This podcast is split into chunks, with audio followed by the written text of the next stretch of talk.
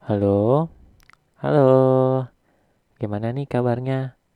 Gue berharap kabar kalian semua para pendengar dari podcast MyLab 96 yang mana pada malam hari ini tepat gue merekamnya baik-baik aja ya. Dan semoga hari yang kalian lalui ini banyak hal menyenangkannya. So, kalau misalkan tidak ada hal yang menyenangkannya, tenang aja. Mungkin itu belum waktunya terjadi hal yang menyenangkan itu. Dan bersama gua Aan di podcast Map 96 kita akan kembali membahas hal-hal uh, yang menurut gua ini perlu dibahas atau didiskusikan.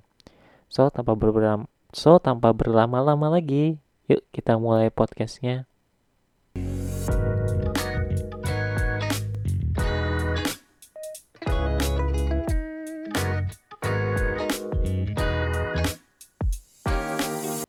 Oke, yang pertama-tama yang mau gue diskusikan ya uh, tentang sebuah video yang muncul di TikTok yaitu uh, tentang seorang oknum ya yang mana dia ini menilang sebuah kendaraan yang mana kendaraannya itu notabene sebenarnya ya uh, ingin membantu ambulan ini untuk lewat. Banyak tuh komentar-komentarnya yang masuk ke dalam uh, video TikToknya itu. Ada yang mengatakan bahwa uh, polisi oknumnya ini sengaja karena seharusnya itu tugasnya tapi dia nggak dapat atau gimana dan kebanyakan komentar-komentarnya adalah komentar-komentar yang negatif Uh, kalau misalkan kita melihat ya dari pasal yang ada dari Undang-Undang Nomor 22 Tahun 2009 uh, pasal 135 tentang lalu lintas dan angkutan jalan itu memang yang berwenang dan berhak untuk sebutannya apa sih? mengawal ya. Ya, mengawal itu adalah pihak yang uh, ber berkewajiban atau yang bertanggung jawab. Dan bukan warga sipil. Ya memang uh, mungkin si masnya ini inisiatif. Karena memang pada saat itu nggak ada uh, yang bertugas atau yang bertugas tinggal lihat atau gimana. Ketika si masnya ini mengawal tapi ujung-ujungnya malah ditilang uh, mengawal dalam artian di sini kan dia ya membukakan jalannya itu supaya lancar. Ya memang kalau berdasarkan undang-undang itu memang ambulan, pemadam kebakaran dan apa lagi satunya? Uh, ya uh, mobil pemerintahan itu memang diwajibkan, eh bukan diwajibkan sih, memang seharusnya kita beri jalan karena notabene kalau misalkan ambulan dan pemadam kebakaran itu biasanya dari situasi yang genting. Kalau ambulan itu kemungkinan ada orang yang sedang dalam keadaan yang sekarat atau kritis dan kalau misalkan pemadam kebakaran itu karena mungkin ada sedang terjadi kebakaran di daerah tersebut dan mana agar tidak menyebar apinya mereka ini diperbolehkan untuk uh, cepat dan juga boleh melanggar dari lalu lintas yang ada di jalan. Kalau misalkan untuk mobil pemerintahan, uh, gua kurang tahu. Karena sebenarnya kan notabene ya mungkin keperluannya ngejar waktu ya. Mungkin kan gue bukan bukan pejabat, jadi gue nggak tahu. Ya mungkin uh, pengen ngejar waktu supaya jadwalnya terpenuhi semua. Karena uh, orang-orang pemerintahan itu kan biasanya uh, sudah ada jadwalnya gitu. Udah ada jadwal misalkan dalam satu hari ini nanti pergi ke mana kemudian bertemu dengan siapa habis itu lanjut lagi pergi ke daerah mana lagi dan terus-terus selanjutnya seperti itu. Ya cuma kan notabene tahulah pengendara di negara kita ini seperti apa ya apalagi mama ngasih lampu sen kanan beloknya ke kiri. Nah, ataupun sebaliknya ngasih um, lampu sen kiri beloknya ke kanan. Dan ada juga beberapa yang gue nonton videonya di media sosial mereka itu nggak paham gitu kalau misalkan ambulan ada atau ambulan di belakang mereka mereka harusnya memberikan jalan. Itu ada beberapa yang tidak memahaminya ada beberapa nggak semua seperti itu dan gue yakin banyak yang paham akan hal itu pahamnya dalam artian ya memang ini keadaan darurat dan memang harus diprioritaskan atau diutamakan. Ya cuma kesannya sesudah itu dia menilang kan uh, kesannya tuh kayak gimana gitu. Kan notabene kita nih sebagai makhluk sosial tentu ketika ada orang kesulitan atau kesusahan kita pasti membantunya. Ya, sebagai makhluk sosial. Ya nggak mungkin juga kan kita membiarkannya apalagi uh, di tengah kemacetan. Kalau dari yang video yang gue baca dan komentar-komentar yang gue baca uh, pada saat itu memang sedang terjadi yang namanya kemacetan pada saat itu pada saat ambulannya ini mau melintas. Nah si masnya ini inisiatif lah untuk membukakan jalan. Tapi inisiatifnya ini tidak diterima oleh si oknum ini. Karena ya dari peraturannya memang sebenarnya melanggar. Cuma kan balik lagi ya kalau ada di videonya Mata Nazwa itu sedang berbicara dengan hak mantan hakim agung. Dia itu berbicara bahwa hukum atau pasal-pasal yang ada di negara kita ini uh, bentukannya itu fleksibel. Jadi misalkan uh, pasal ini tentang ini kemudian di bawahnya menjelaskan itu itu sebenarnya bisa aja berubah tergantung dengan situasinya. Nah situasinya di sini kan si ambulannya ini dalam keadaan gawat ya dalam keadaan genting. Nah harusnya kalau menurut gue pribadi ya jadi nggak apa-apa gitu. Karena di sini niatnya baik mau menolong. Ya itu pendapat gue. Kalau misalkan pendapat kalian ada yang berbeda atau mungkin ada yang pro dengan oknumnya ini ya silahkan nggak apa-apa. Tapi kalau menurut gue pribadi itu balik lagi ke situasi yang ada di lapangannya itu atau yang sedang ada di jalannya itu. Dan mengenai uh, akun atau media sosial ini ada juga nih oknum yang membajak akun sosial dari pacarnya. Membajaknya ini juga nggak tanggung-tanggung. Dia membuat sebuah postingan. Ini akun Instagram tapi ada muncul di Twitter dan gue ada lihat.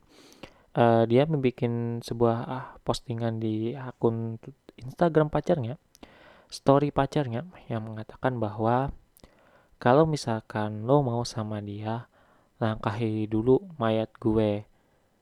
Ini gue yang menggunakan baju loreng-loreng. Katanya kayak gitu bunyi dari statusnya atau bunyi dari storynya. Nah nggak lama setelah itu dihapuslah uh, postingan itu. Karena kesannya tuh kayak nantangin gitu. Kayak songong banget. Gue tahu lo punya pangkat baju loreng-loreng tuh gue tahu. Dan emang kenapa toh pacarnya nih juga kalau dia memang ada niat dia pasti uh, berselingkuh kalau memang ada niat. Tapi kalau misalkan enggak kan ya dia nggak akan selingkuh. Sebaik-baiknya cowok seganteng-gantengnya cowok atau sekaya-kayanya cowok kalau misalkan deketin dia dan dia memang sudah berkomitmen nggak akan selingkuh atau nggak akan uh, berpindah ke lain hati ya dia bakal tetap stay di situ dan itu yang gue percaya. Tapi kalau misalkan dia sudah memang ada niat di dalam hatinya ya sekeras apa pun lo berusaha atau mencoba ya dia tetap akan melakukannya juga. Itu sih yang kalau menurut gue yang gue percaya ya. Karena dari pengalaman-pengalaman gue ya nggak terlalu banyak sih pengalaman gue gue pacaran itu baru uh, kalau misalkan dihitung-hitung SD SMP nggak ada SMA nggak ada kuliah nggak ada kerja sama yang kerja ini terakhir. Itu ini yang eh, memang uh, ada hubungannya ya atau memang berstatus. Dan dulu tuh ada juga beberapa yang yang statusnya itu yang ngambang tuh. Iya juga soalnya gue cuma uh, bertukar pesan aja nggak pernah ketemu sama orangnya. Jadi ya gue anggap itu cuma ya angin lalu aja yang yang lewat chat ya. Kalau misalkan yang memang ada uh, statusnya itu rata-rata ya kalau memang dia setia dan nggak mau pergi ya dia tetap gak akan mau pergi. Biarpun teman-teman cowoknya kayak gimana pun. Karena teman gue eh bukan teman mantan gue yang dulu itu dia itu uh, notabene banyak teman-temannya yang laki-laki. Karena dia ini notabene nya tuh tomboy. Dan dia ini mantan gue yang uh, waktu gue SD dulu. Nah sekarang dia ini gue nggak tahu. Cuma terakhir kali gue ketemu tuh pada saat uh, di kampus itu tuh terakhir kali gue bertemu dengan dia. Dan setelah itu gue gak ada ketemu-ketemu lagi. Ya dia banyak teman-teman cowoknya di kampus dan juga ada cewek juga. Cuma kan ya namanya cewek itu kalau memang sudah plok atau memang sudah merasa nyaman dia itu bakal tetap stay gitu. Nggak akan pergi ke lain hati lagi jadi ya nggak usah lah kayak gitu. Melakukan dengan cara seperti itu buat story yang seperti itu. Nggak usah lah. Toh kalaupun memang dia mau pergi ya dia bakal pergi kok. Kalaupun dia pengen. Cuma ya balik lagi itu ke individunya masing-masing. Dan juga ada beberapa bukan beberapa sih uh, sebuah kasus yang mana ini menurut gua uh, kasihan tuh ada juga menyedihkan tuh ada juga. Uh, dan bisa dibilang bodoh tuh ada juga. Yang mana uh, oknum ini ya dia itu menuliskan nomor handphone dia nomor handphone nih dicatat ditulis di paspor dari turis yang datang. Tujuannya buat apa? Tujuannya buat apa gitu? Itu paspor tuh bikinnya itu lama cuy. Gak mudah-mudah bikin password itu. Dan lo malah asal coret aja nomor handphone lo di situ. Mana pakai pulpen lagi? Coba ya kalau nggak mau merusak tuh ya kasih kertas atau misalkan lebih lebih keren itu pakai kartu nama. Nah. Gokil tuh. Janganlah dicoret kasihan. Turisnya tuh ngurus itu nggak sebentar. Lama ke sana kemari kedutaan ini pergi kedutaan itu.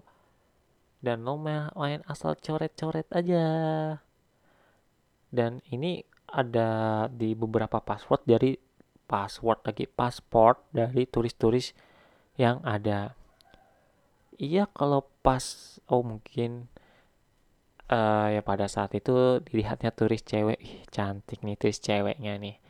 Mungkin bisa nih gue anu nih kan gue uh, ada uh, bajunya yang berpangkat lah. Jadi mungkin mau aja lah bukan mau aja lah mungkin mau dia nih sama gua gitu. Karena gua bisa menjamin dia sampai ah, hari tuanya atau gimana. Gua nggak tahu pola pikirnya seperti apa. Cuma sepertinya kayak gitu. Sepertinya karena dia merasa dia ini sudah memiliki itu jadi eh, siapa aja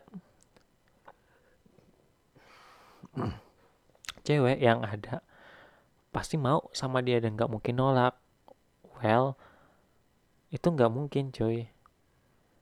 Lo pak mau pakai apa pun ya cewek itu dia itu nggak melihat dari hal itu kecuali ceweknya ini matre. Memang matre ceweknya ya. Mungkin dia melihat lah dari hal itu. Cuma kalau misalkan enggak ceweknya ini enggak matre ya dia bakal nyari yang bisa bikin dia nyaman itu. Kalau misalkan dia nggak matre ya tapi kalau misalkan matre ya dia pasti bakal milih lo kok. Tenang aja. Dia pasti bakal milih lo. Nggak mungkin yang lain. Karena yang diincar dia tuh adalah hartanya lo bukan dirinya lo ini atau sifatnya lo ini. Dan biasanya kalau misalkan seperti itu uh, dia ini nggak bisa menerima sifatnya lo yang ujung-ujungnya ya bakal berakhir di tengah jalan juga bakal putus gitu di tengah jalan.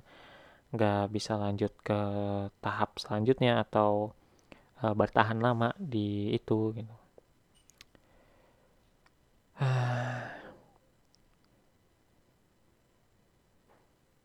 Dan ya nggak habis pikir aja gue dia nyoret-nyoret gitu tuh tujuannya apa? Kalau misalkan mau cari jodoh banyak kok aplikasi-aplikasi pencari jodoh tuh banyak banget. Lo bisa searching di uh, YouTube atau mungkin langsung cari di Google Play atau App Store. Itu ada aplikasi-aplikasi itu. Atau mungkin atau mungkin lo mau uh, mengikuti atau mau daftar ke apa sih itu yang kemarin itu pacar sewaan ya pacar online. Nah boleh itu. Dan untuk menghabiskan uangnya lo yang lo miliki ya lo bisa lah anu uh, pacar sewaan. Dan siapa tahu gitu dia lengket sama lo nemplok sama lo atau jatuh cinta sama lo kan siapa tahu. Kita kan nggak tahu nanti berakhirnya seperti apa. Ya kan? Siapa tahu ya mungkin cukup sekian dulu ya untuk podcast kita pada malam hari ini. Dan ya bisalah diambil pelajaran beberapa ya. Ya beberapa aja diambil pelajaran gak usah semua. Karena ya ada beberapa hal yang sebenarnya tidak anu gitu. Nggak anu dalam artian gak begitu penting tapi menurut gue lucu dan asik aja kayak gitu kalau misalkan dibahas ya mungkin gitu aja dulu dari gua kita jumpa lagi di podcast My Lab 96 selanjutnya and see you bye bye sampai berjumpa kembali di hari Selasa yang akan datang. Ya, Selasa malamnya. Oke. Okay. Sip, sampai situ dulu. See you.